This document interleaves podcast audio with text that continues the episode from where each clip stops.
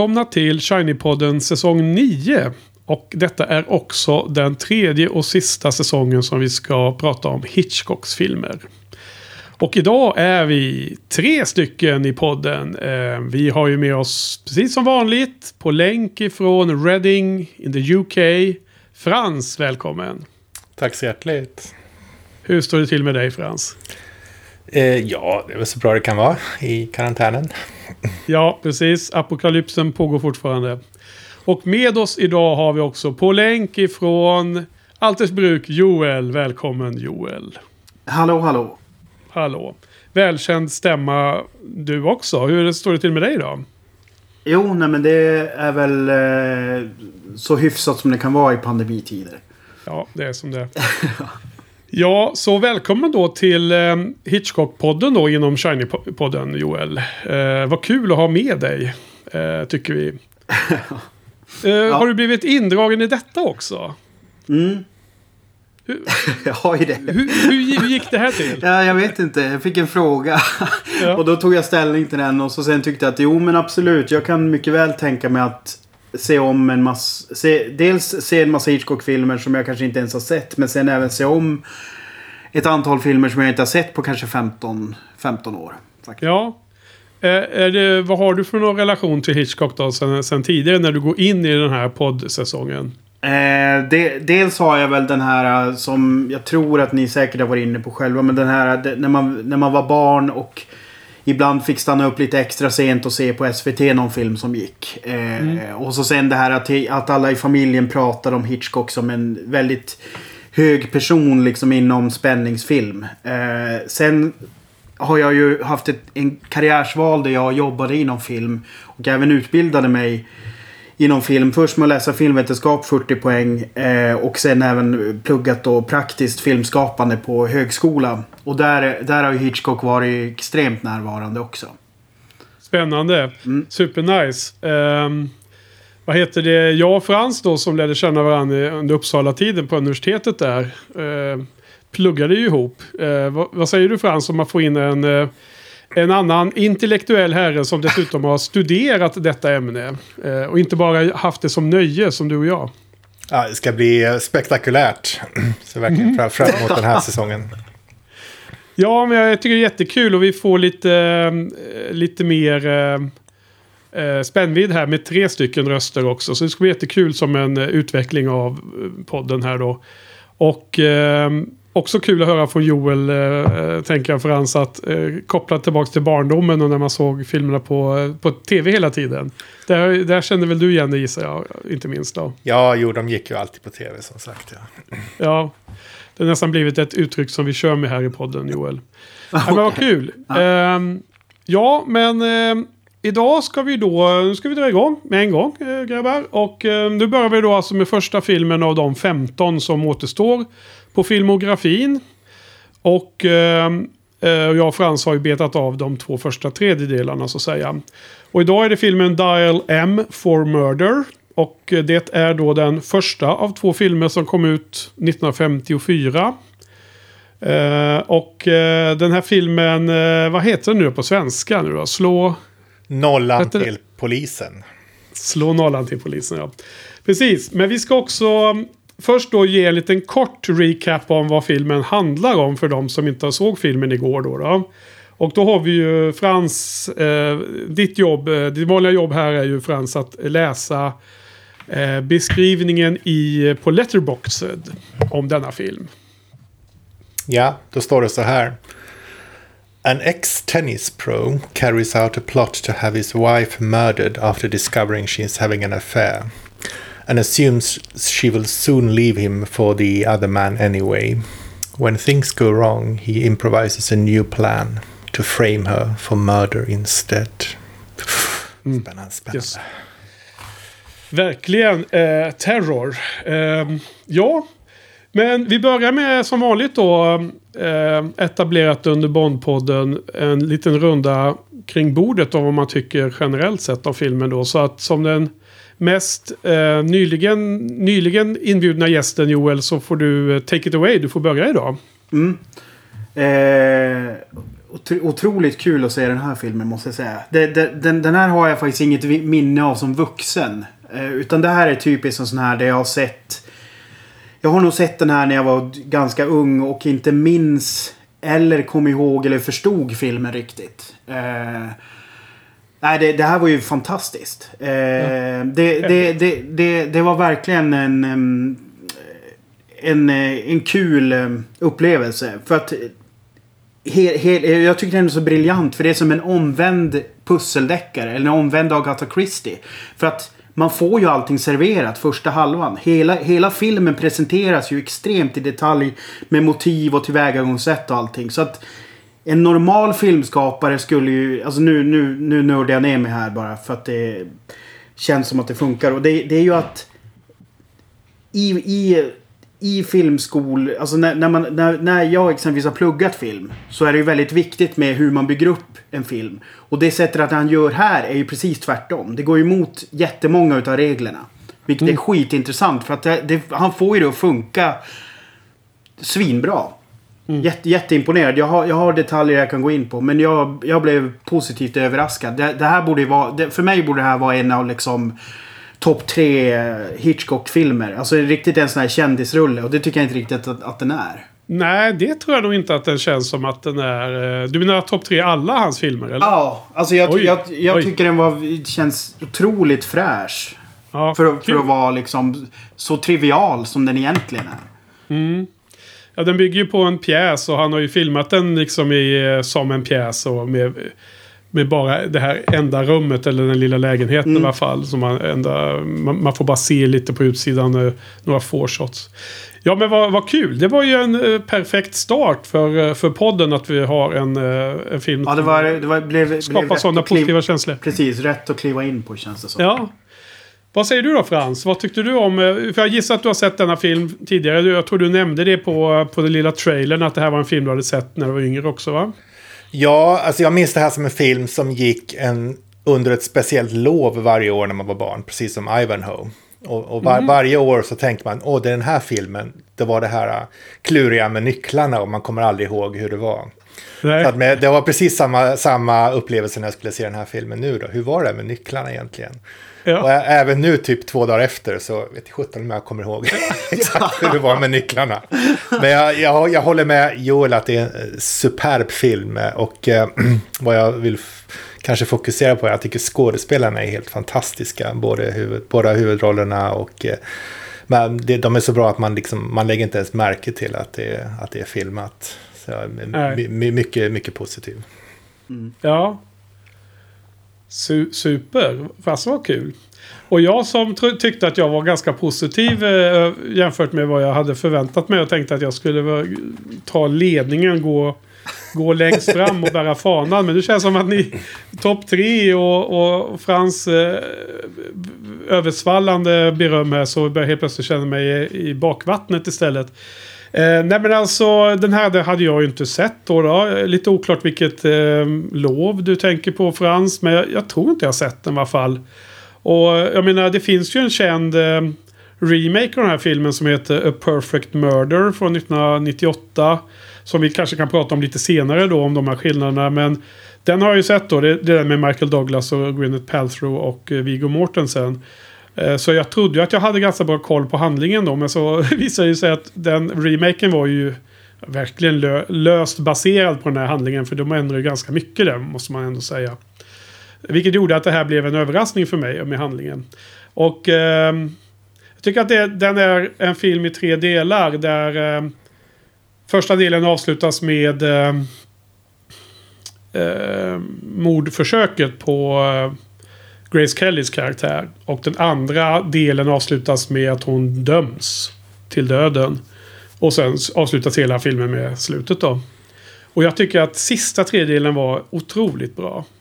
Det var, det var på riktigt spännande och inte för att man blir jätteöverraskad över att hon klarade sig utan snarare om att hur var det med nycklarna och hur var det med polisen och vem har förstått vad och hur ska det här lösas upp egentligen? Det blev för mig ganska överraskande att hon så snabbt eh, i de här korta klippen de visar rättegången och domen blir liksom bara bl blinkar man så missar man det liksom. Och helt plötsligt var hon bara dömd till döden. Det kändes superdramatiskt i mitt huvud. Så jag var väldigt positivt överraskad för att den slutade så bra.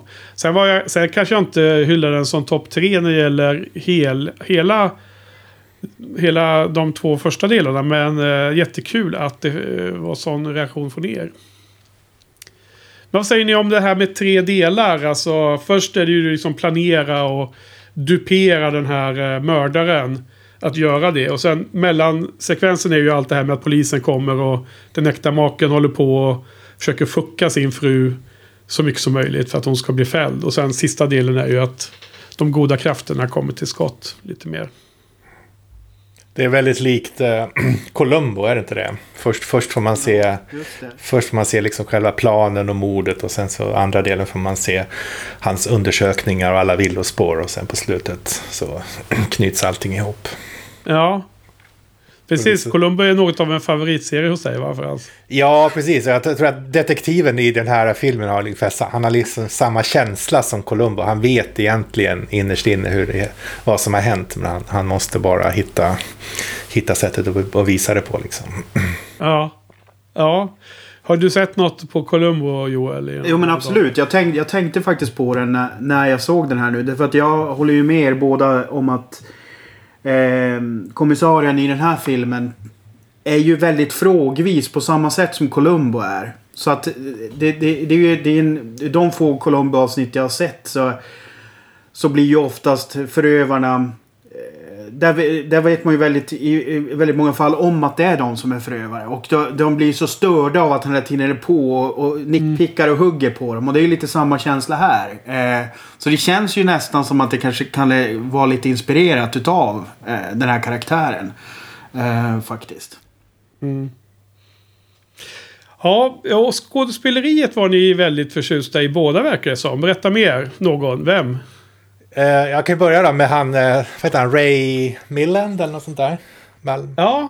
Han spelar, spelar den eh, onde maken. Jag tycker han spelar den här eh, psykopaten så perfekt. Han, han är extremt intelligent, han, han drar upp den här fantastiska bladen, men han kan inte förstå att andra människor kan, kan liksom tänka lateralt. Och in, in, inte att det, i hans värld så följer alla hans, hans eh, tankar och hans spår och hans plan helt perfekt. Liksom. Det finns inga avvikelser. Så att han blir helt ställd så fort någon tänker på ett annat sätt. Eller så någon, fort någon gör lite, lite annorlunda mot att han har tänkt sig. Så det, det, får, det blir som eh, error i hans, i hans hjärna på något sätt. Jag tycker han spel, ja, spelar den karaktären så fruktansvärt bra. Alltså. Du, du har faktiskt satt fingret på något som inte jag tänkte på. Det är exakt det här du beskriver. Jag menar, det är som att han... Han är den där studenten i Uppsala som gjorde... Räknade igenom alla mattetalen i alla böckerna man hade när man eh, studerade. Och sen ställdes då... Inför på tentan så var det lite annorlunda. Och då var det som, hur sjutton ska det här lösas? Nästan. Nästan åt det hållet. Om jag, jag förstärker lite nu Frans. Du förstår. Ja, bra beskrivning. Ja, okej. Okay. Eh, mer då? Grace Kelly. Det här var alltså den första av tre samarbeten mellan Grace Kelly och Hitchcock tror jag att eh, det sades någonstans. Ja, alltså jag, jag kollade ju lite på hennes filmografi. Och hon hade ju gjort High Noon innan. Men det här måste ju vara liksom den första stora rollen för henne liksom. Där hon bär någon slags eh, stjärnroll. Eller, eller att hon blir stjärna. För att jag, jag blev... Jag blev också lite överraskad för båda de manliga skådespelarna är inga som jag minns ifrån någonting annat. Alltså det är klart att jag kanske har sett dem i någonting annat. Men det är ju inte stjärnor som, eh, som många andra som är med i hans filmer. Så att jag, tyckte att det var, jag tyckte det var intressant casting ur det perspektivet. Att det liksom känns lite mer som Nobodies. Nu är de ju inte det. De är ju säkert jätteetablerade skådespelare. Men det är ju inte liksom det här filmstjärne... Eh... Det är inga Cary Grant och James Stewart direkt. Exakt.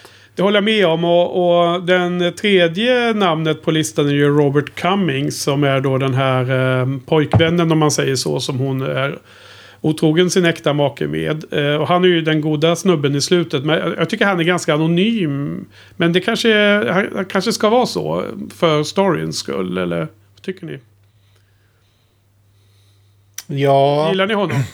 Jag, jag tyckte han var, han var ganska naturlig. Jag kan hålla med nu när, när du säger om att han var ganska anonym. Men det var inget jag liksom tänkte på under filmen. Alltså han, blir, han blir ju lite som i, i komedi så brukar man ju snacka om straight guy och alltså liksom den som är grundad och så här. Och han är ju lite den karaktären här eftersom all, de andra är lite utflippade egentligen. Jag, jag, vill, gärna ta, jag vill gärna ta upp den här um, snubben som ska utföra mordet också. Ja, Just- han vill jag Eh, också prata om. Ja, jag, ty jag tyckte han var fantastisk. Alltså det, det är så här att... Det, vad jag gillade med skådespeleriet var att jag tyckte att det faktiskt hölls på en naturalistisk nivå otroligt mycket för att vara en 50-talsfilm. Och en scen med honom var helt fantastisk när, ehm, när frun ringer till, eh, till... Eller när Grace Kelly då ringer till maken. eh, När de, när de håller på att gå igenom. Och när man då helt plötsligt inser att den här snubben, ja men jag kan nog tänka mig att mörda. Hur han helt plötsligt börjar gå och reka medan maken pratar i telefonen. Det sker på ett sånt naturligt flow. Hur han liksom helt plötsligt bara tar på sig handskar och börjar kolla. Ja men fan, ja men det här kan ju funka liksom. Han börjar gå runt och kolla i lägenheten. Och maken spelar ju också väldigt bra neutralistiskt. Jag, jag tycker han är suverän på att spela det här när han behöver improvisera sina lögner. Eh, hur hur det, det fixar det här med nycklarna och, och hur han hajar till när hon ska ta huvudvärkstabletter i väskan. Och så är han rädd att hon ska upptäcka att nyckeln är borta. Man, Han spelar verkligen på lögnen så bra. Alltså att han... Att han är rädd att hon ska upptäcka att nyckeln inte är där. Som att hela korthuset ska falla. Ja, och jag håller helt med när du säger naturalistiskt så... Det är ju en filmad pjäs som var Mm. populär både i England och i USA vid det här läget. Alltså... Filmen är ju inspelad i Hollywood och det är ju Warner Brothers men det utspelar sig i London ju som, som man hör. Och de, de pratar om London. Ehm, så det är ju en filmad pjäs och då kan man ju tänka sig att det skulle bli extremt uh, styltigt då, då om man tänker sig så som man ser ibland filmade pjäser så är det ju inte liksom naturalistiskt direkt. Nej. Men jag håller helt med om att här har man lyckats väldigt väl. Ehm, men det jag trodde att du skulle prata om han mördaren, han som skulle bli mördaren. Men den, han blev ju olycklig till slut. Han fick ju en uh, sax i ryggen och dog. Som det blev. Eh, varför, varför tror du att jag ville prata om, om honom Frans? Har du, har du spaning på det som jag tänkte komma till? Det här är oförberett så att jag bara sätter dig på pottkanten nu. Vad vad har vi sett honom någon annanstans? Denna skådespelare? Ah, just ja. Ja, det var faktiskt en grej jag tänkte på när jag såg filmen. Att man känner igen honom. Men sen glömde jag bort att kolla upp det tyvärr. Vi, vi känner igen honom från uh, Shiny-podden säsong 8. Som vi också kallade för Bond-podden. Jaha, okej. Det, det här är ju Professor Dent ifrån uh, Ah, Dr. ja. No. Dr. No såklart, ja. Eh, och det var en av mina favoritsekvenser i Dr. No när eh, Sean Connery sitter och spelar patiens. Och väntar på Professor Dent som ska dyka upp där. Och sen blir det ju en, en eh, dialog och så slutar det med att eh, Dent har ju redan skjutit av alla sina kulor när han eh, skjuter eh, vansinnigt in i sängen som man tror Bond ligger och sover i. Och sen så eh, avrättar ju Bond honom lite kallhjärtat där med, med två skott. Väldigt eh, härlig scen. Är det också, Jo, i, det är också Samma i, skådis. i ryggen eller? Nej, jag har för mig att jag sa det på podden. Men jag tror att sen insåg att jag hade liksom kommit ihåg fel. Jag tror att det var framifrån som Patrik nog var inne på och mumlade någonting om. Jag tror att Patrik hade rätt där såklart. Um, vad heter det? Jo men det var ju han. Så, det, så jag, nu när jag såg honom direkt här så... Till, tillräckligt eh, nära för att vara helt inne i Bondvärlden i huvudet så såg, kände jag igen honom och tänkte att det där måste vara en skurk. Och det var jag också visade sig. Tyvärr då, eller på ett sätt.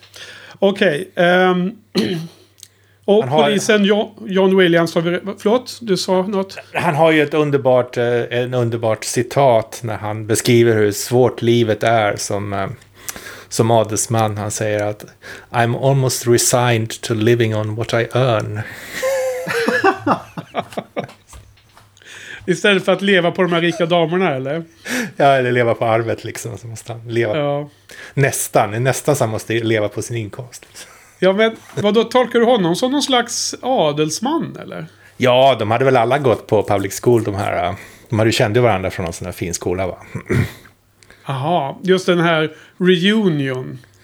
Eh, Precis. Tänkte ni på något speciellt när det var den här reunion-bilden då som var som en tavla? Ja, den, den gode Alfred var ju med där. För en gångs Ja, skull precis. Lyckades jag fånga hans cameo. Så, såg Eh. du den också Joel eller? Ja, den, den, jag blev överraskad att jag tog den direkt. Jag tog den så här direkt. Ja, jag också. Eh, jag, jag tyckte den var lätt att se även om jag hörde på den här lite korta 20 minuters dokumentären på min DVD. Så hävdade de att det var en av de svåraste cameos i hela Hitchcocks eh, filmografi. Jaha. För att det var bara ett, ett, ett foto. Men jag menar det blev så... Han bara poppade upp där ju när han sitter så här vänd eh, vid kameran där. Ja, den, den drog ögonen till, till sig på något sätt. Jag tycker det var en, Ja. av de, en av de enkla, en av de få jag har sett faktiskt. Så för mig var det Ja, en av ja. de enkla. Mm, vi såg väl några i förra säsongen när vi hade dem. När han gick där omkring. Eh, bland annat i I Confess gick han ju där uppe ovanför trapporna i siluett. Så det var ganska lätt att se honom för mig och så. Just det, och så har vi redan nämnt den här polissnubben då. Eh, skådespelaren heter ju John Williams. Eh, han som spelar Chief Inspector Hubbard. Och eh, har ju varit med i några Hitchcock-filmer redan. Och sen är han ju med jättemycket i den här Alfred Hitchcock Presents. Eh, den här tv-serien. För jag kollar lite, man kollar ju lite på de här olika skådisarna. För jag vet ju... Eller jag, du och jag Frans vet ju att Hitchcock har återkommande eh, skådisar väldigt mycket ju. Så de, de verkar ju alltid vara liksom bundis här. Um, ehm, ja, vi får eh, gå vidare med olika spaningar. Jag måste lyfta en sak som jag vill höra hur, om ni tänkte på det. eh, som jag kanske gissar att ni gjorde, men också vad ni tycker om det. Att det är den här ehm, extremt eh, begränsade ytan som man hela filmen utspelas på. Och eh, det är så lustigt för att vi har ju haft två sådana filmer i förra säsongen. när vi pratade om Hitchcock som var säsong nummer sex eller vad det nu var. Frans, vad, vi- vad det nu var, kommer jag inte ihåg. För dels var det Lifeboat som utspelar sig på en eh, Lifeboat, hela filmen. vad det nu heter på svenska. Det står det helt still i huvudet på mig. Liv- Liv, livbåt eller? Li, li, livbåt, ja precis. Natur, naturligt nog. Och sen var det ju då kanske filmen som var ännu bättre, som jag tror var den jag eh, listade som min största favorit från förra säsongen, Frans. Och det är ju den här filmen Rope. Just det. Som utspelar sig i en lägenhet med den här liket som låg i den här skänken hela, hela middagen där. Med, med, med de här komplicerade kameramanövrarna vad jag kommer ihåg från den. Ja, precis där. Eller rättare sagt. Eh, för att få in kameran där så flyttar de ju väggar och möbler. ehm, Nej, vad så då? ur, ur bild på ett väldigt smart sätt. De hade hjul och grejer och de höll på där. Eh, var det något ni tänkte mycket på? Att det var en återkomst till... Eh, det verkar som Hitchcock gillar den här grejen. Att det ska vara sådana här begränsningar som gör att han, han får excellera med sina filmvinklar och sitt sätt som han ser film. I de här begränsade eh, rummen.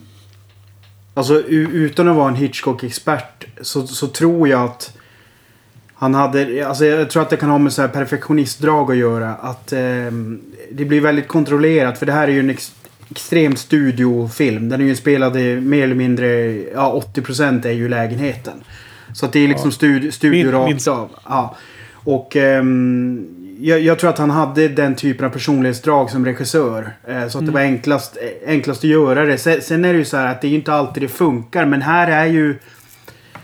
Det här är ju väldigt bra. Därför att det, ris, risken när man har så här slutna rum är ju att det blir tråkigt och trist att titta på. Och hela den här inledningsscenen som är... fan är det? Det är väl typ 40 minuter nästan eller någonting. När, när han drar hela dragningen där. Det hade ju kunnat vara skittrist. Men, men kameraarbetet är ju fan top notch där. Alltså det är ju... Jag vet att vi... Nu blir det mycket filmskolesnack här. Men vi, vi hade en, en session där... Där vi gick igenom en av Polanskis filmer. Och det, där, där man verkligen säger okej, här, här flyttar han på kameran. Och ställer upp det på ett visst sätt för att det, för att det ska bli livfullt i klippningen sen. Och det här är ju ett, ett, ett tidigare sånt exempel på det. Och det jag, tycker, jag, jag är imponerad för jag, jag satt... Hela, jag tyckte att den delen var fan spännande också. När man sitter och väntar på vad han ska säga härnäst. För att han är ju väldigt om sig och kring sig när han ska berätta. Eh, så att det blir ju så här, man, man är ju... de- Den andra snubben är ju publiken på ett väldigt effektivt sätt också. Därför att han är ju lika ställd som oss. Och dessutom så kommer vi in här. Vi får ju ingen presentation utav karaktären överhuvudtaget. Utan det börjar det börjar ju mer eller mindre rakt på. Så att vi är ju mer eller mindre med den här snubben som kommer in. Vi har, vi har fått veta lite innan men det är ju inte särskilt mycket. Ja. Ehm, så det, jag, jag tycker det är extremt effektivt och briljant berättat. Ehm, Ja, verkligen. Det håller jag med om och jag, jag, jag tyckte inte någon av de här tre delarna var tråkiga. Nej. Men däremot så tyckte jag att den tredje delen, tre, sista tredje delen var liksom min favorit. Och där det blev spännande på riktigt. Eh, inte så mycket utfallet utan mer hur det skulle bli. Hur det skulle komma fram till slutet. Eh, vad tycker du Frans om konceptet med att filma allting, mer eller mindre allt i en, en sån här lägenhet på det här sättet? Liksom? Jag, jag måste erkänna att jag tänkte aldrig ens på det. Jag, Ja. jag tyckte jag var så helt inne i historien. Som jag sa i början, jag, det kändes inte ens, kändes knappt som att man såg på en film. Liksom. Man var så helt Nej. inne i, när, närvarande i historien. Jag tänkte överhuvudtaget inte på dem, den tekniska delen. Jag är ledsen. Nej.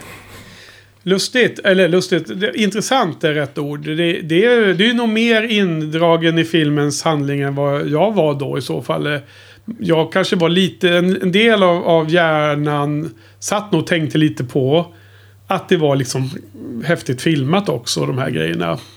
Eh, det kanske är en skada man har av att vara filmbloggare och sånt, men eh, All, all cred till dig Frans att vara så inne i filmen. Vad heter det? På tal om att vara inne i filmen. Ni, ni kanske känner till det men den här var ju filmad i...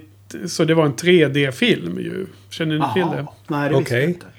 Nej, alltså jag... Nu har jag ju tänkt inför den här tredje säsongen Frans att jag inte ska lägga ner så jättemycket tid på att hålla på och kolla på massor med extra material då. För man blir liksom så färgad av det kände jag när vi pratade om film förra rundorna. Men nu såg jag ändå den här 20 minuter långa korta dokumentären som var på den här DVDn. Och eh, då pratade de eh, lite om det här med 3D och mm, den eh, visas ju på 3D och den visas också i 2D för att mm, runt den här eran så var ju 3D stort och det var ju många filmer som gjordes i det. Ehm, och det är därför det finns en intermezzo i mitten. Därför att man kunde inte ladda om den andra kameran och sen seamless gå över mellan kamerorna. Utan båda måste laddas om samtidigt. Så på min version på DVDn så blir det en, en skylt med intermezzo mitt i allt. Vilket är lite jarring. Vilket fall som helst. ehm, så eh, när man ser den här i 3D så är det tydligen otroligt väl använt. Och det är därför han har nästan alltid någonting i förgrunden. Så att man hela tiden ser skådespelarna bakom någonting. Alltså genom ett galler eller det är något som står på sidan. Så att det här att komma in i filmen eller vara med i rummet som du var inne på där Frans mentalt. Eh, får man ännu mer stöd av i bilderna då.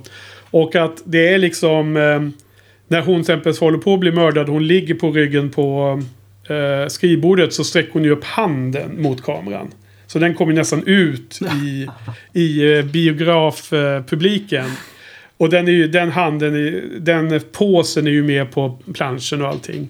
Och samma sak är ju, är ju saxen avlång. Det ska ju vara så här långa, eh, smala eh, eh, saker som skjuts mot, eh, mot kamerorna. För att 3D-effekten ska bli extra tydlig. Jaha, Men nu, nu är det ju 2D som gäller liksom. Men det skulle vara kul att se den 3D faktiskt. För Ja, alltså det, det, det är så intressant för att jag hade nog aldrig gissat det. Eh, för att det, det här visar ju bara återigen hur... Eh, vilket jävla geni han är. Därför att om, om, man, om man kollar på 3D-filmer numera så är det ju de bästa... Ja, nu är väl den, den bubblan nästan punkterad igen. Men, men de, de bra 3D-filmerna som har kommit eh, på slutet har ju mest varit de som, som använder det på ett sätt inte på det här utstickande sättet utan snarare få ett djup i det. Ja. Ehm, och och det ju, han jobbar ju lite grann samma sak. För att jag, jag såg om den här fredagen den 13 del 3 för något år sedan. Som ju är en 3D... En 3D-variant. Eh, och där är det, ju, Okej. det kommer ju jojos i bild och det är slagträn och allting. Allting går- kommer mot den. Medans, och det, det blir ju lite konstigt när du sitter och kollar på en 2D-yta utan 3D-glasögon. När du, när du bara tittar på det som en vanlig film så blir det ju så otroligt påtagligt att det var filmat av den effekten. Här, här, är, det ju, här är det ju inte alls att det sticker Här funkar ut det ändå, sätt. ja. ja. Precis. Däremot hade det varit intressant att se någon form av remaster med modern 3D med typ 3D-glasögon. hade varit ascoolt. För det låter, Ja. låter ju fan effektfullt alltså.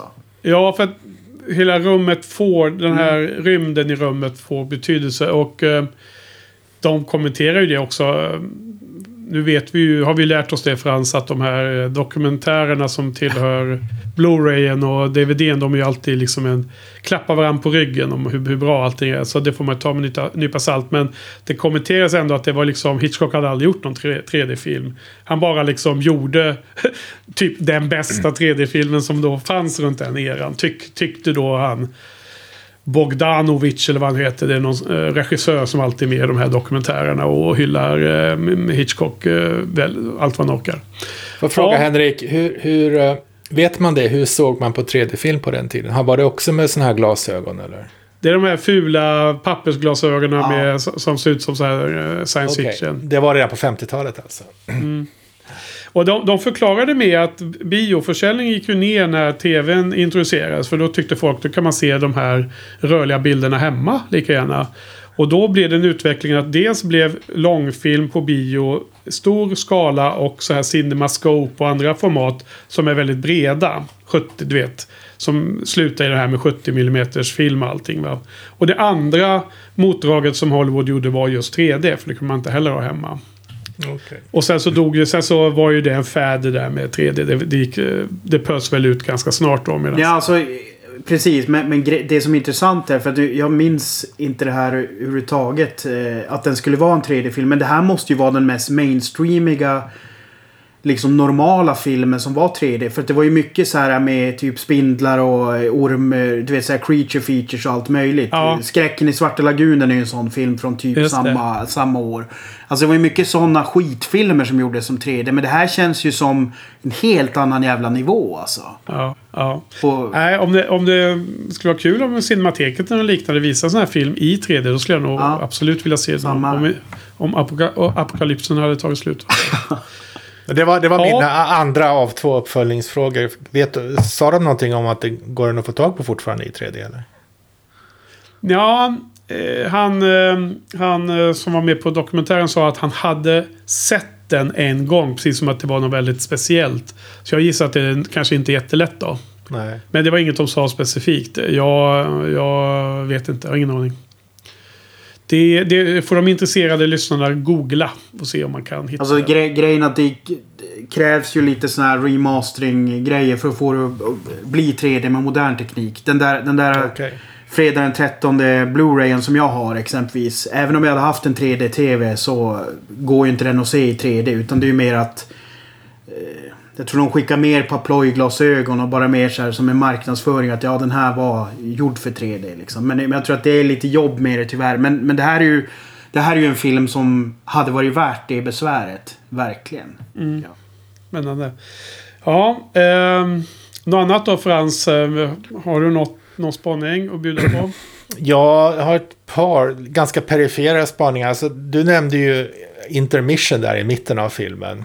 Ja. Jag visste inte om att det var det här med 3D utan jag eh, tolkade det ju som att det var den här gamla, jag drevs in i tankarna på den här gammaldags filmupplevelsen eh, där det var som att gå på teater eller gå på konsert. Liksom. Man, hade, man såg någon liten kortfilm innan och man, man satt liksom i stora salar med hundratals människor och kristallkronor i taket.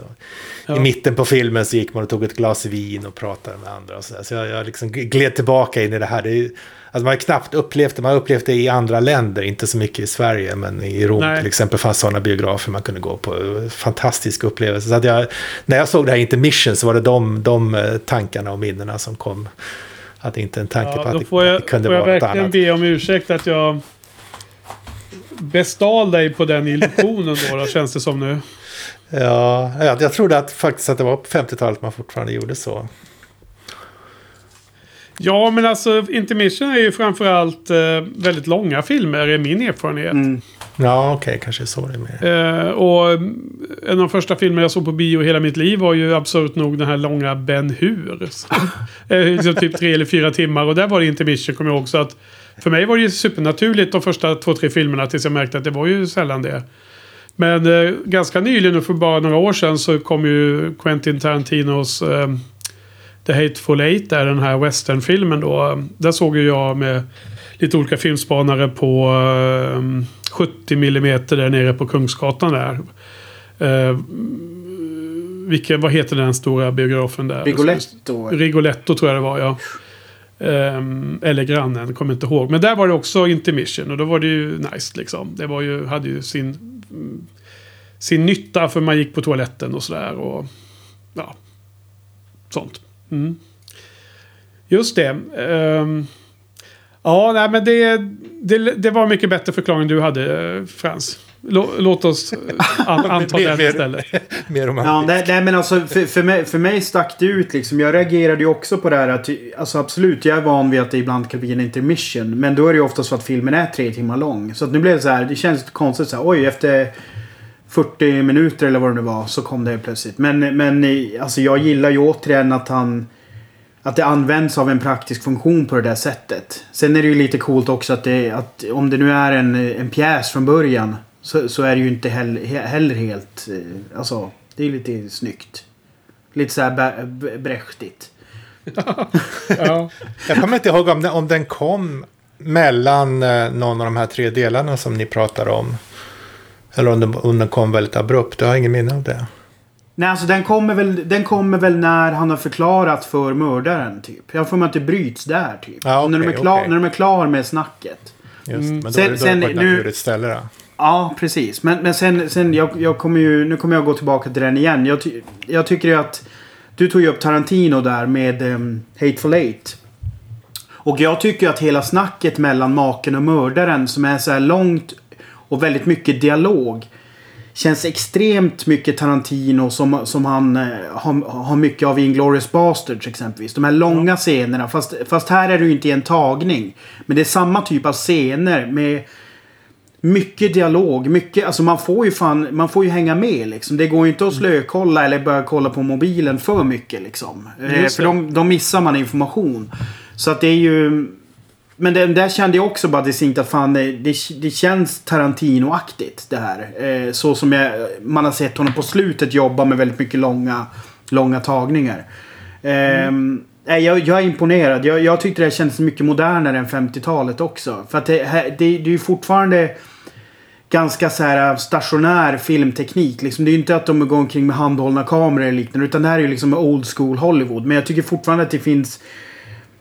Många, utav de, många av sådana filmer åldras ju inte superbra liksom. Utan då kanske man behöver lite nostalgiglasögon på sig. Men, men här tyckte jag faktiskt att för att vara en, en, en omtitt där jag liksom för första gången förstod hela historien från början till slut och hela vägen så var, var det en väldigt imponerande upplevelse. Ja, herregud alltså. Det var ju aldrig någon fråga om att sitta och kolla på mobilen i mitt fall. Det, jag, var, jag var väldigt sugen på att få den här variationen som det nu blev. Att gå tillbaks till eh, i det här fallet en 50-talsfilm och Hitchcocks värld. Så jag var väldigt sugen. Och vi får väl se hur pass less man blir på honom mot slutet av den här säsongen. Det är ju alltid så med 15 filmer är väl liksom runt gränsen där det börjar liksom man börjar känna att nu har man tuggat på ett tag. Så det är väl, var väl en ganska lagom mängd hoppas jag att det blir nu då. men, men du då Frans, var du, var du, eh, ja du har ju redan indikerat det. Du var väl ganska uppslukad av filmen mest hela tiden. Du, det var inte så att du satt och tittade på schack samtidigt på datorn eller något sånt där i alla fall va? Nej, precis. Slog huvudet på spiken där. Ja, och eh, glad att vara tillbaka i Hitchcock-världen eller? Ja, precis. Men det säger ganska mycket för jag är absolut sämst av oss tre och förmodligen en av de sämsta i även i den större världsbefolkningen på att fokusera på en film. Och när, så att när jag, när jag lyckas fokusera på en hel film då, då är det verkligen Ja. speciellt. Ja. Ja, det, det må vara så. Du, eh, eh, det är bra, då har vi utman ja, utmaningar här då. Men eh, det är så lustigt för alltså, vi, vi pratar, tror jag, både första och andra eh, säsongerna med Hitchcock så pratar om, nu kommer de, den här liksom, klumpen av massor med jättebra filmer och eh, jag tyckte alltid att liksom, men vänta nu, var det verkligen dem? Och så tittar man mig att nej men det var ju dem och så. Men nu, nu kommer vi verkligen till den klumpen. För de här filmerna som man gör i slutet på 50-talet, precis decennieskiftet mellan 50 och 60-talet där runt Psycho, North by Northwest och The Birds som här.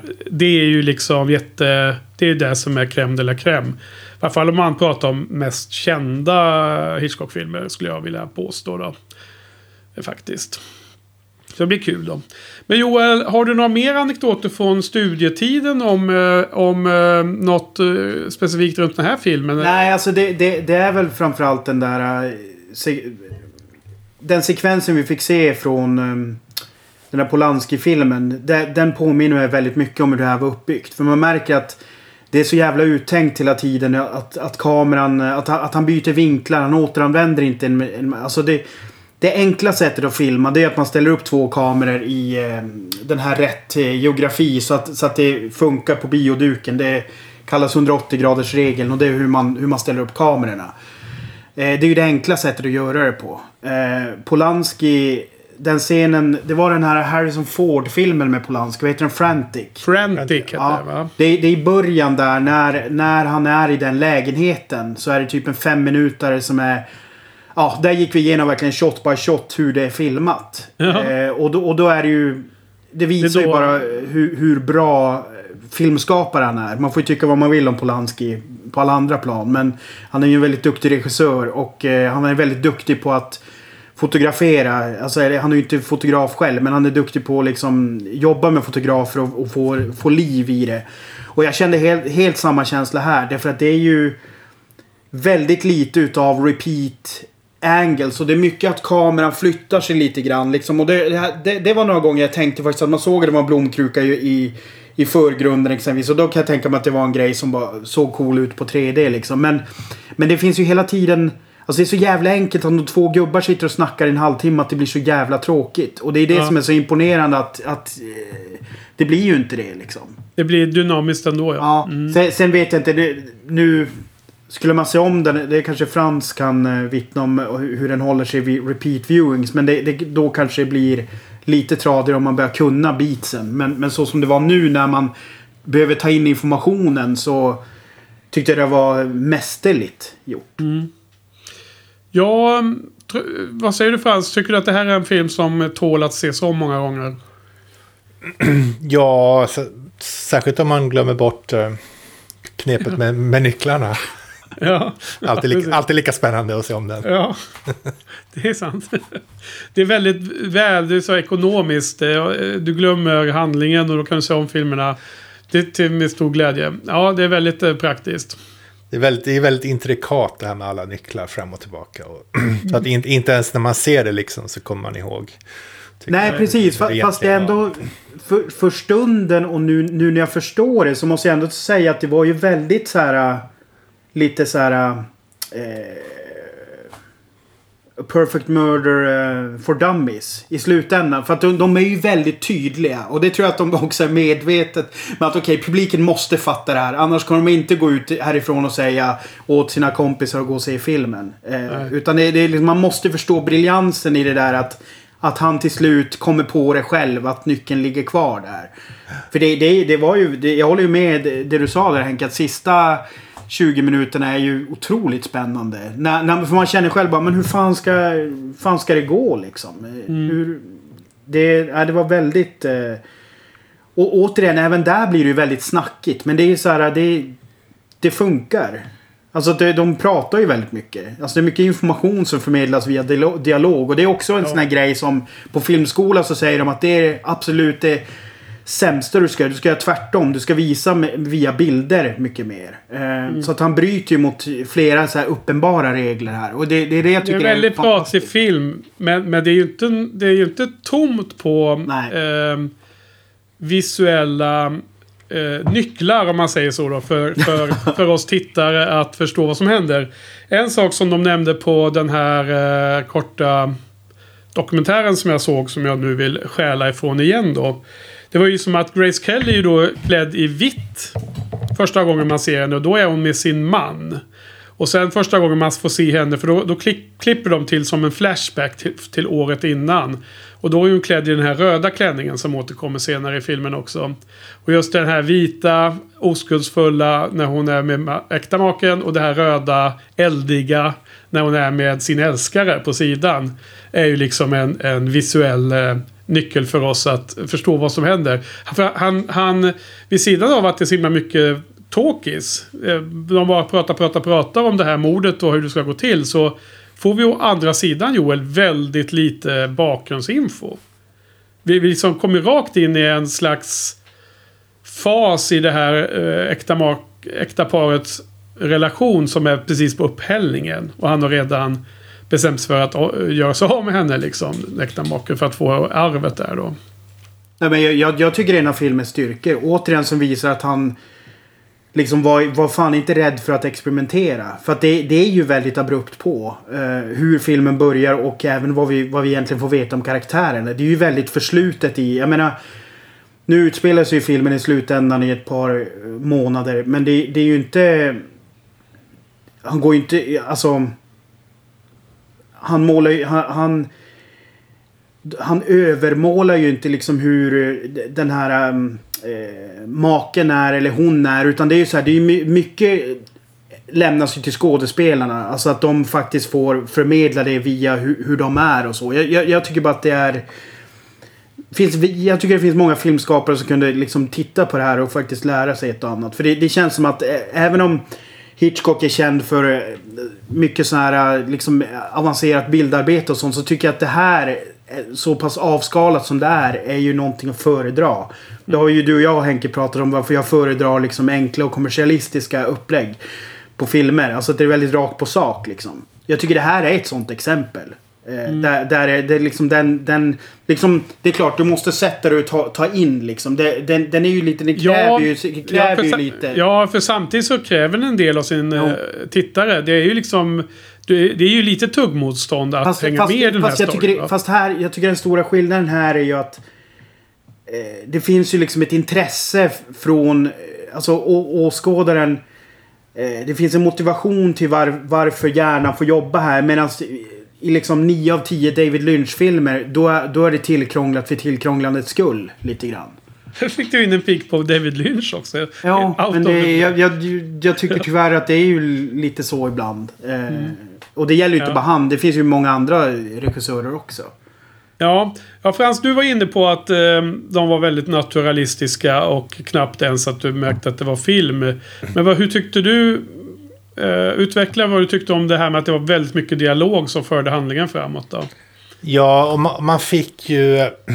Det här som ni pratade om att all bakgrundsinformation fick man ju portionerat ut i små väldigt ekonomiska fragment. Och så fick man ja. själv skapa sig bilder av hur, hur saker hade hänt. Så det var liksom perfekt mängd av bakgrundsinformation vid perfekt mm. tillfälle. När man, precis innan man skulle ha frågat sig hur hänger det här ihop ja. egentligen? Så fick man precis så, veta så lite och så mycket som man behövde för att förstå. Och inte, inte ställa sig den frågan och inte, inte liksom komma ur rytmen på, det, på grund av det. Det var väldigt, väldigt eh, bra gjort, väldigt ekonomiskt. Ja, och jag respekterar filmen mer och mer med tanke på att de inte lägger massor med tid på att ge en bakgrund. Utan man behöver verkligen inte det, utan man, man finner sig till rätta. Och, och precis det du beskriver nu, det var inget jag tänkte på direkt, men jag var aldrig så här irriterad på filmen över att, att den var liksom eh, ologisk eller så här, vad fasen är det här?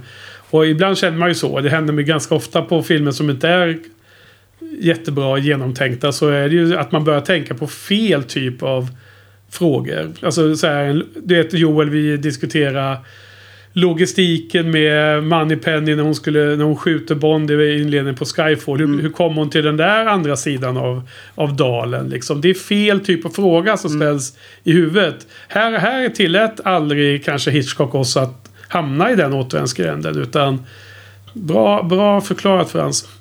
Um, jag håller med om att skådespelarna är riktigt nice. För det krävs för att man ska känna så, en sån trygghet i att se en sån här filmfilm. Liksom bra skådespeleri, bra regi, allting är bra. Men ändå så, jag, jag knyter inte an lika hårt till karaktärerna kanske som jag gissar att ni gör. För att jag känner att det, ni är lite, för, lite över mig i, i hur mycket ni gillar den.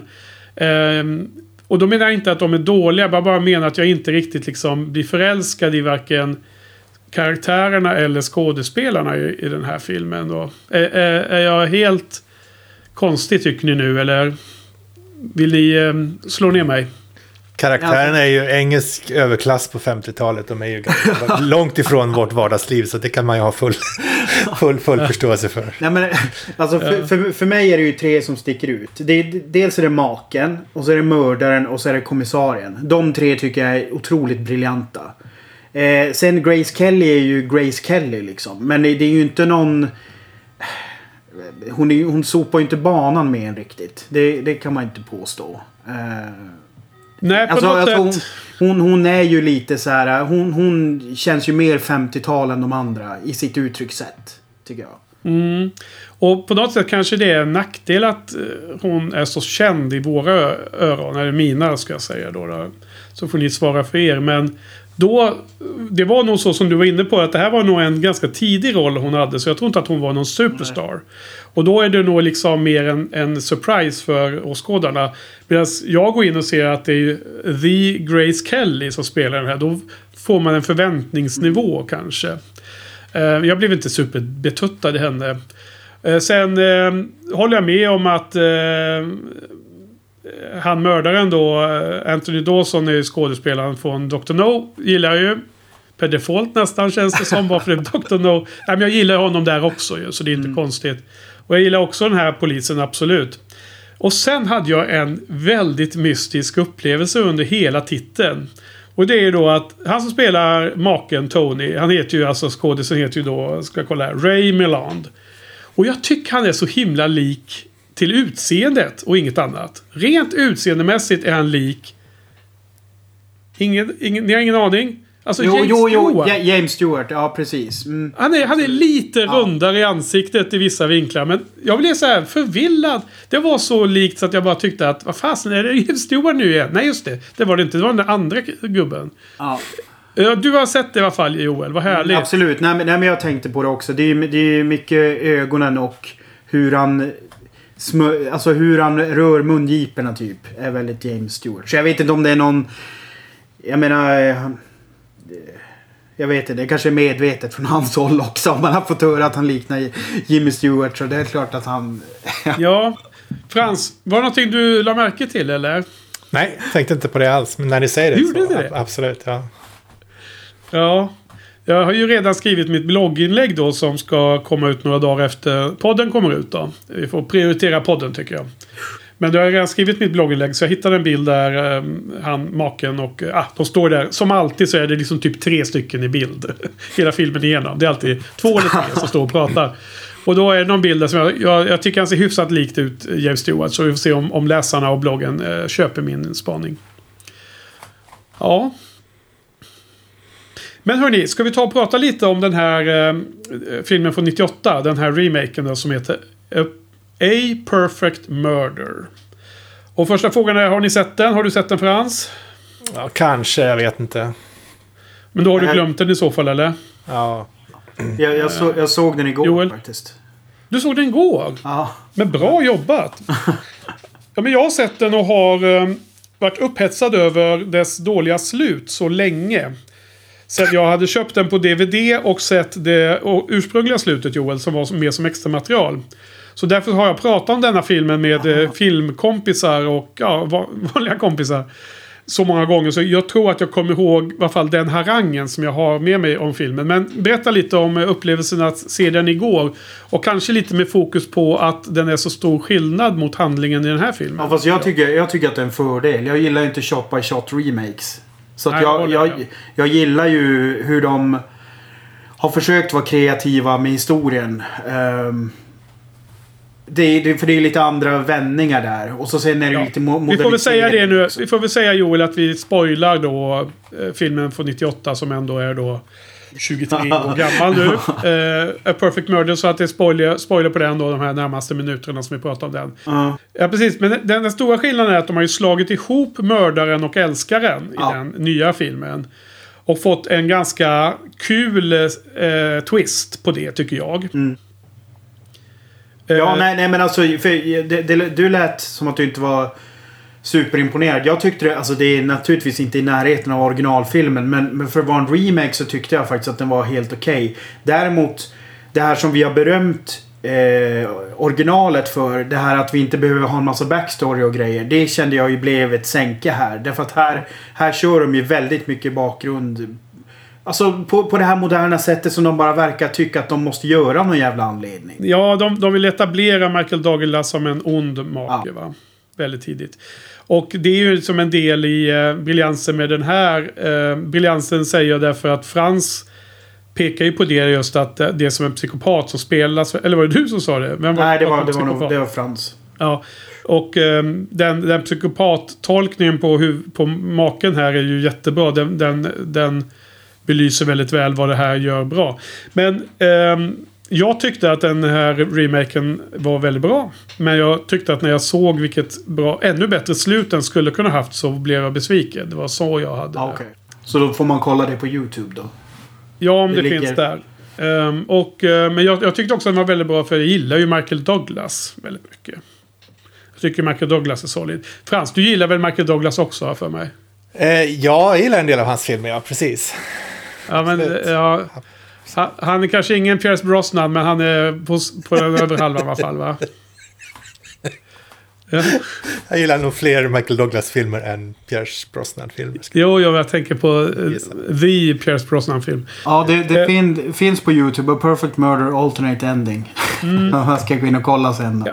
Och det är lustigt där när man börjar köpa DVD-er och, och beror det för länge sedan då när man lämnade de gamla sunkiga VHS-kassetterna som aldrig innehöll något roligt extra material. Då när man fick DVD i handen och det stod Alternate Ending. Då fick man ju lista ut det ganska snart att det betyder ju alltid att det var ett... Eller ja, det betyder ju i princip att det var ett originalslut. Därför att egentligen är det ju... Om det finns en alternate ending så är det ju något som de gjorde först och sen så ä- on, äng, ändrade de sig och gjorde något annat slut. Antagligen efter att de hade testat filmen för sån här testpublik. Eh, jag, jag tror att det är ganska sällan att Jo, man gör det- fast det- medvetet två slut. Jo, men det händer ibland. Alltså att, att de faktiskt har eh, varianter i manus. Ja, de varför bara- gör man det då? Därför de är, de är inte säkra på vad som kommer funka bäst i slutändan. Men alltså att de ändå filmas samtidigt. Ja. Men det är Nu- klart nu så- att det... Nu så tror jag att det ingick i det ma- extra materialet som jag såg på den här filmen. För, kan vi prata lite om vad det är jag stör mig på, det alternate Absolut. ending? Ja. Då får vi spoila skiten ur det för lyssnarna, för de som inte sett filmen. För du var redan inne på det, att de etablerar ju Michael Douglas som en ond figur. Medan i den här originalfilmen med Hitchcock så etablerar man ju inte honom som ond, utan han är ju snarare charmig.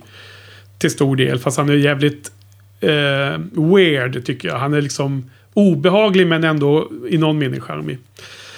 Eh, men de kände också ett behov tydligen efter att ha testat slutet på testpublik. För det, det har jag nästan säker på att de nämnde att det var anledningen till att man bytte slut.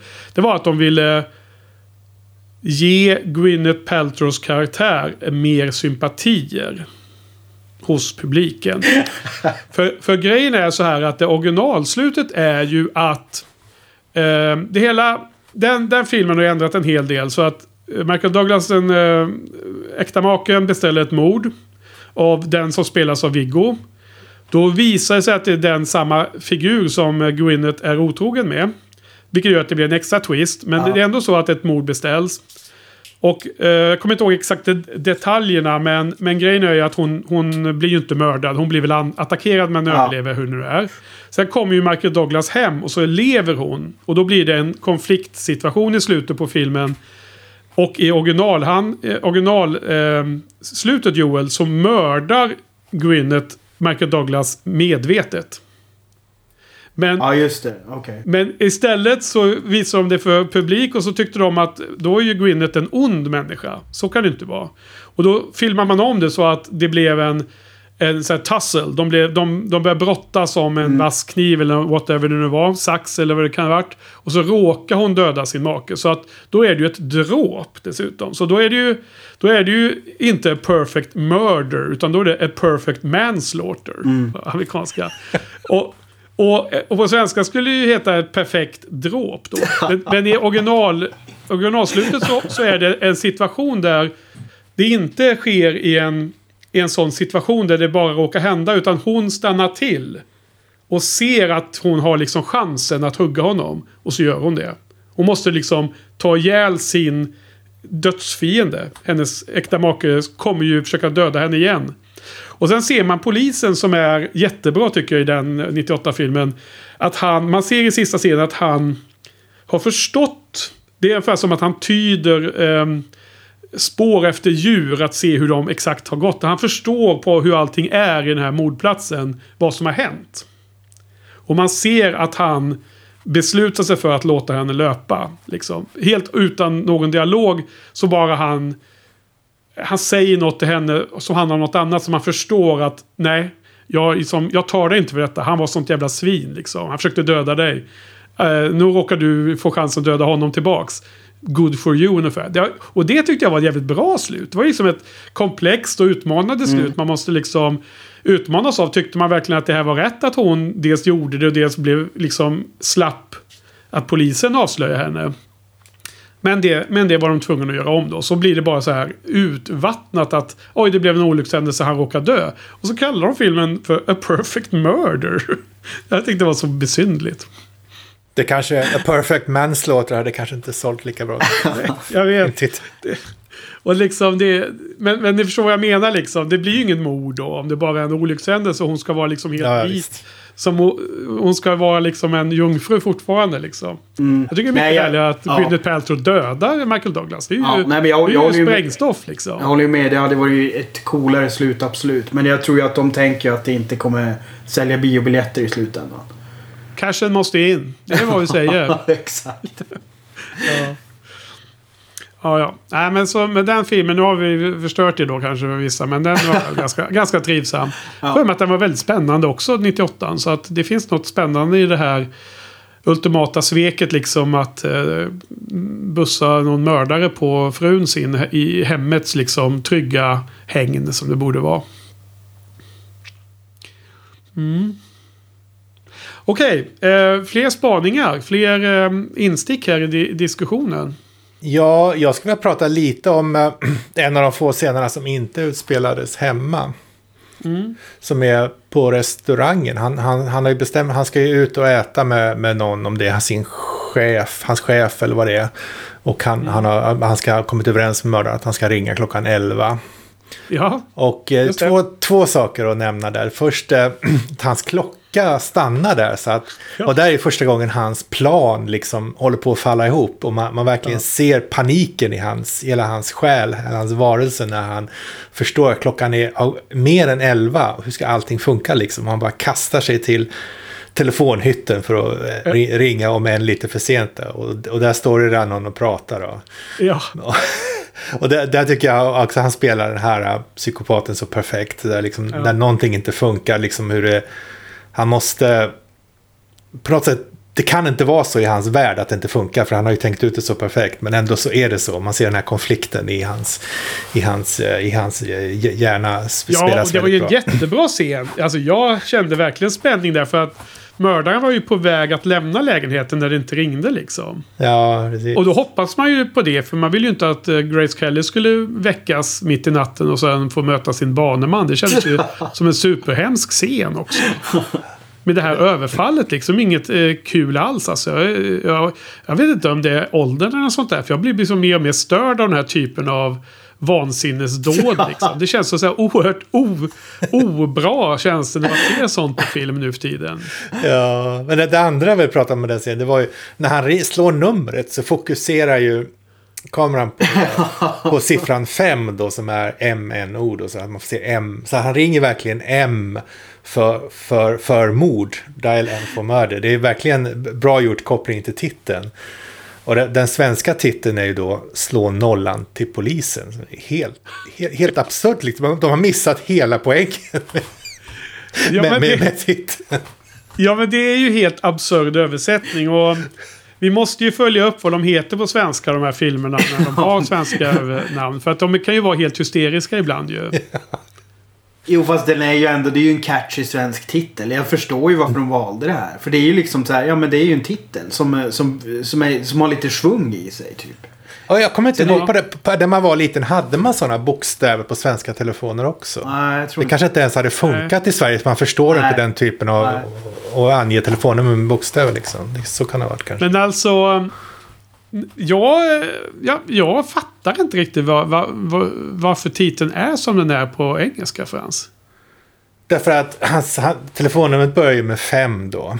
Och 5 är ju MNO, så att man ser M. Och som också är första Ja. bokstaven i murder. Så han ringer, eh, han slår ett nummer som börjar på M. Och- Och när man... När, när Ja, man s- jag förstår, jag förstår den uppenbara saken som du sa precis innan också. Men jag, jag förstår ändå inte... Jag förstår, jag förstår ändå inte poängen med titeln. För att nu har man fokuserat på det som du säger. Man har kopplat det här att MNO är nummer fem. Och då har man låtsas att telefonnumret hem till deras bostad är någonting med fem någonting. Men jag tycker ändå det är så himla random att, jaha, okej. Okay. Liksom... Eh, jag förstår, alltså... Vad är det som kom först här? Var det liksom, var det, eh, var det... Alltså om det hade varit så här att alla, att det fanns någon, någon eh, bakgrund om den här bokstaven M på den platsen hade någon betydelse. Då har jag förstått att man gjorde den här kopplingen. Men nu har man bara hittat på något. Känns det. Ja, jo det är klart. Ja, det känns som att den är lite vitsig så här, titeln. Att när, Ja, när, när han har jag- kommit jag- på det så har han liksom valt att göra den här kameraskjutningen med när han fokuserar Men, men på det. het, Ja, het, ex, ja, hette inte pjäsen så här? Ja, Ja, det kanske han det gjorde. kan det, ja. kan det ha gjort såklart. Det gjorde den säkert, men det är ju samma fråga då. Varför Jo, jo. de Ja, att jo, det men- var så himla bra? Därför att Fast- jag kan inte bli... Ja. Det är ju en bra, det är ju en bra titel. Alltså det är ju det är snarare Igen, det. Samma svar från Joel. Ja. Ja. ja, men berätta. Eh, Var det någonting ni pratade om på utbildningen? Att, eh, vad är det som är bra? Nej, men catchy? alltså det... Ja, alltså det, det är ju...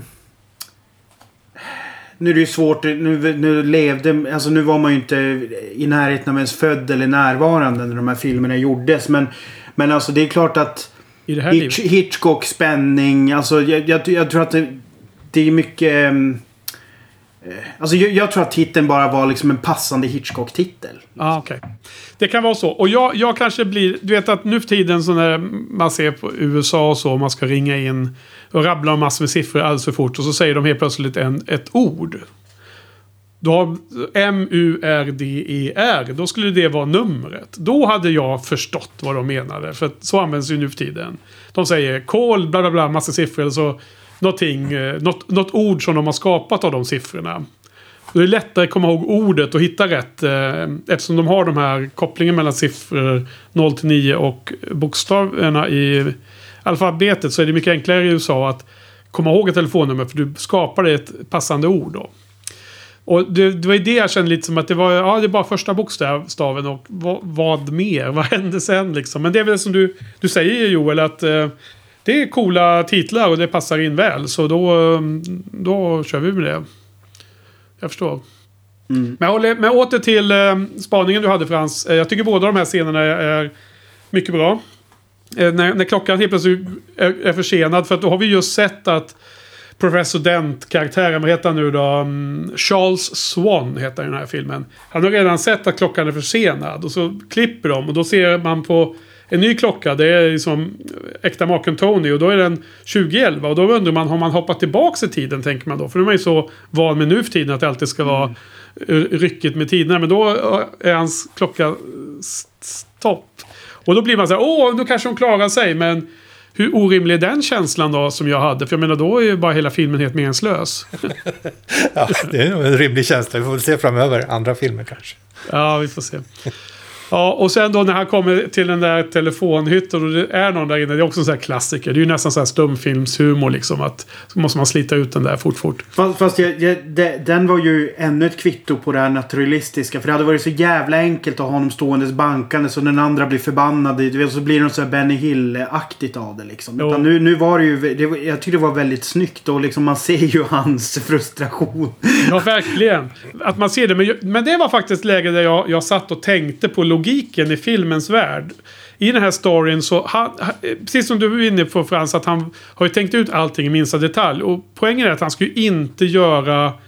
Han ska ju inte få fokus på sig själv i detta läge. Så han kan ju inte banka på Nej, eller, nej, eller skynda på den andra. För att han måste ju helt obemärkligt göra det här till Ja. för, för att i efterhand ska inte någon liksom säga att han hade Nej. jättebråttom. Varför skulle han ha jättebråttom att ringa sin chef? Eh, för han hade ju, hade ju någon ganska dålig förklaring varför man var tvungen att ringa sin chef 11 på kvällen.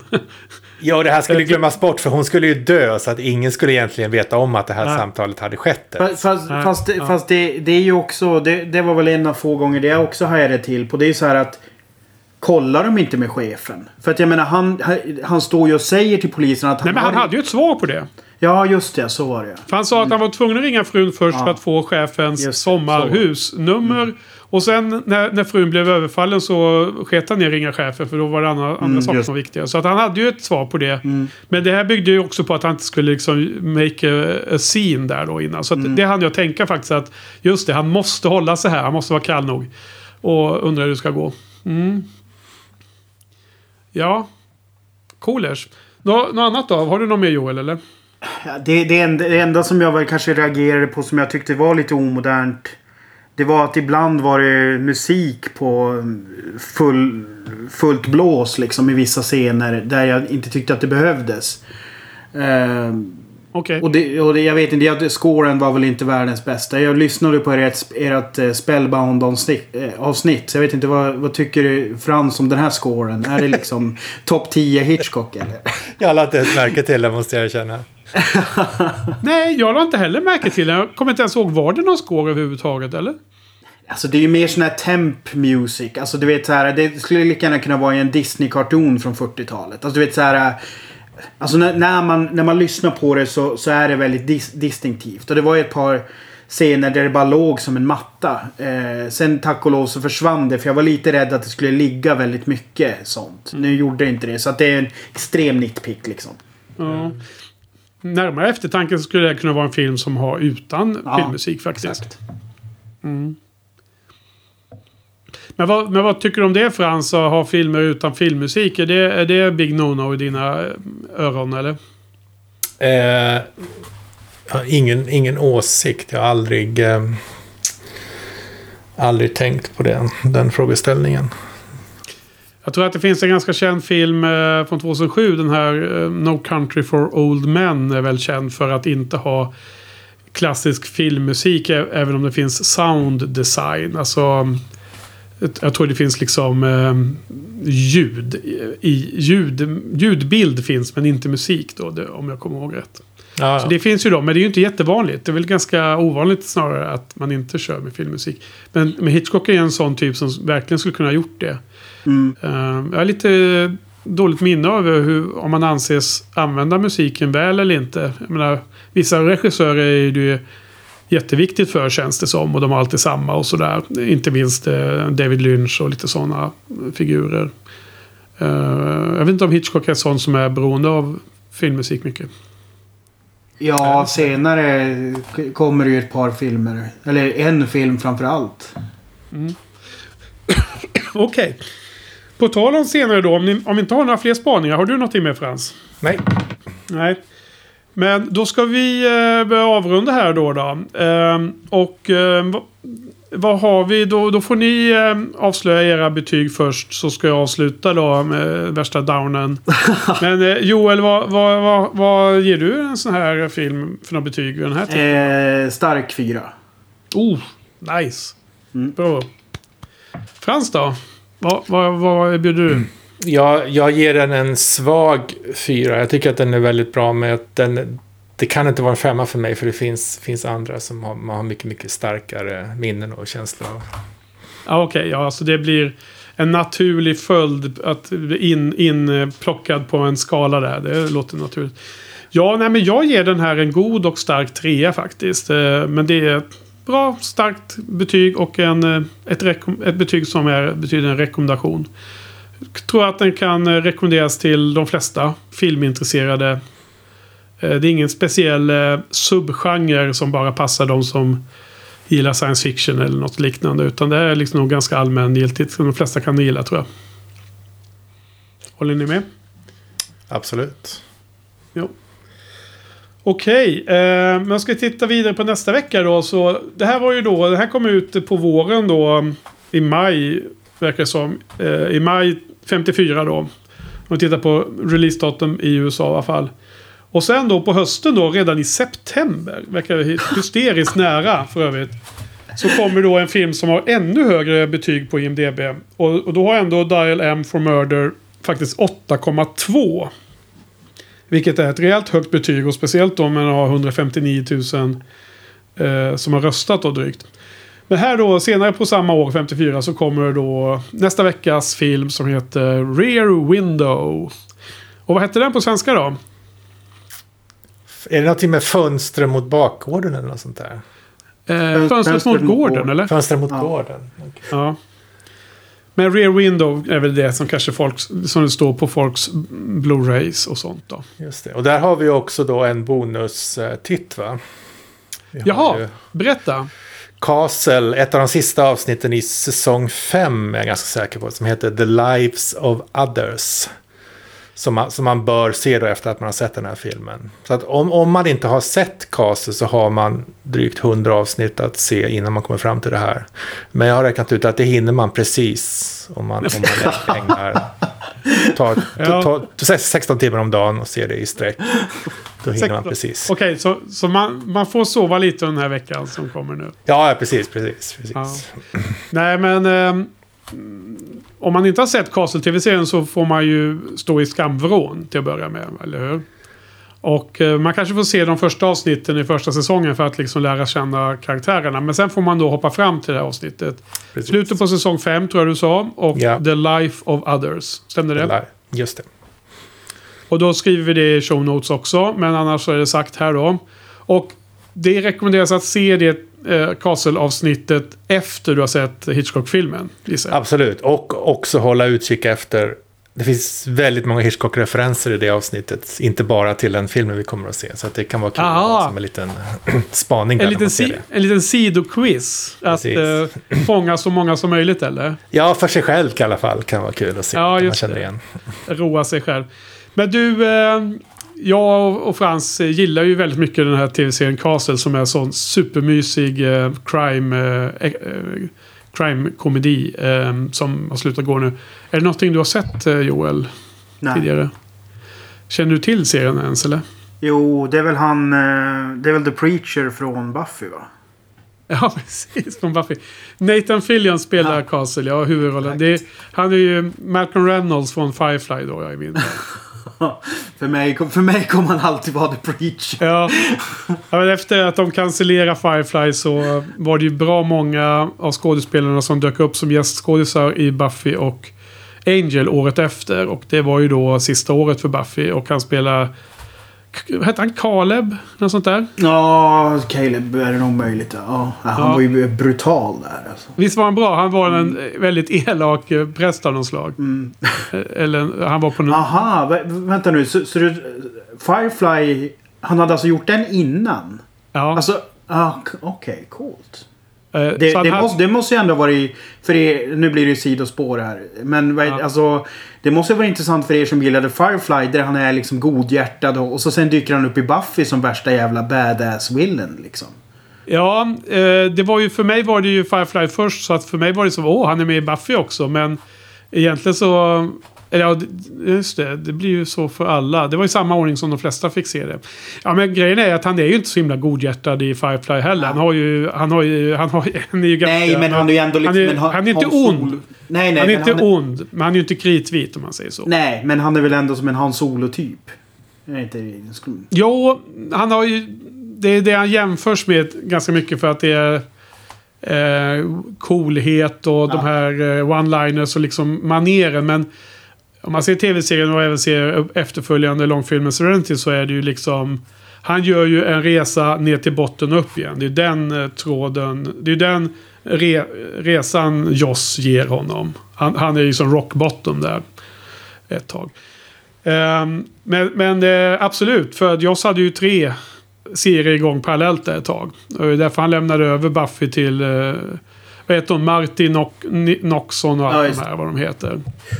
Och även Angel blev ju överlämnad till... Eh, om det var han Greenwalt eller vem det var som körde den.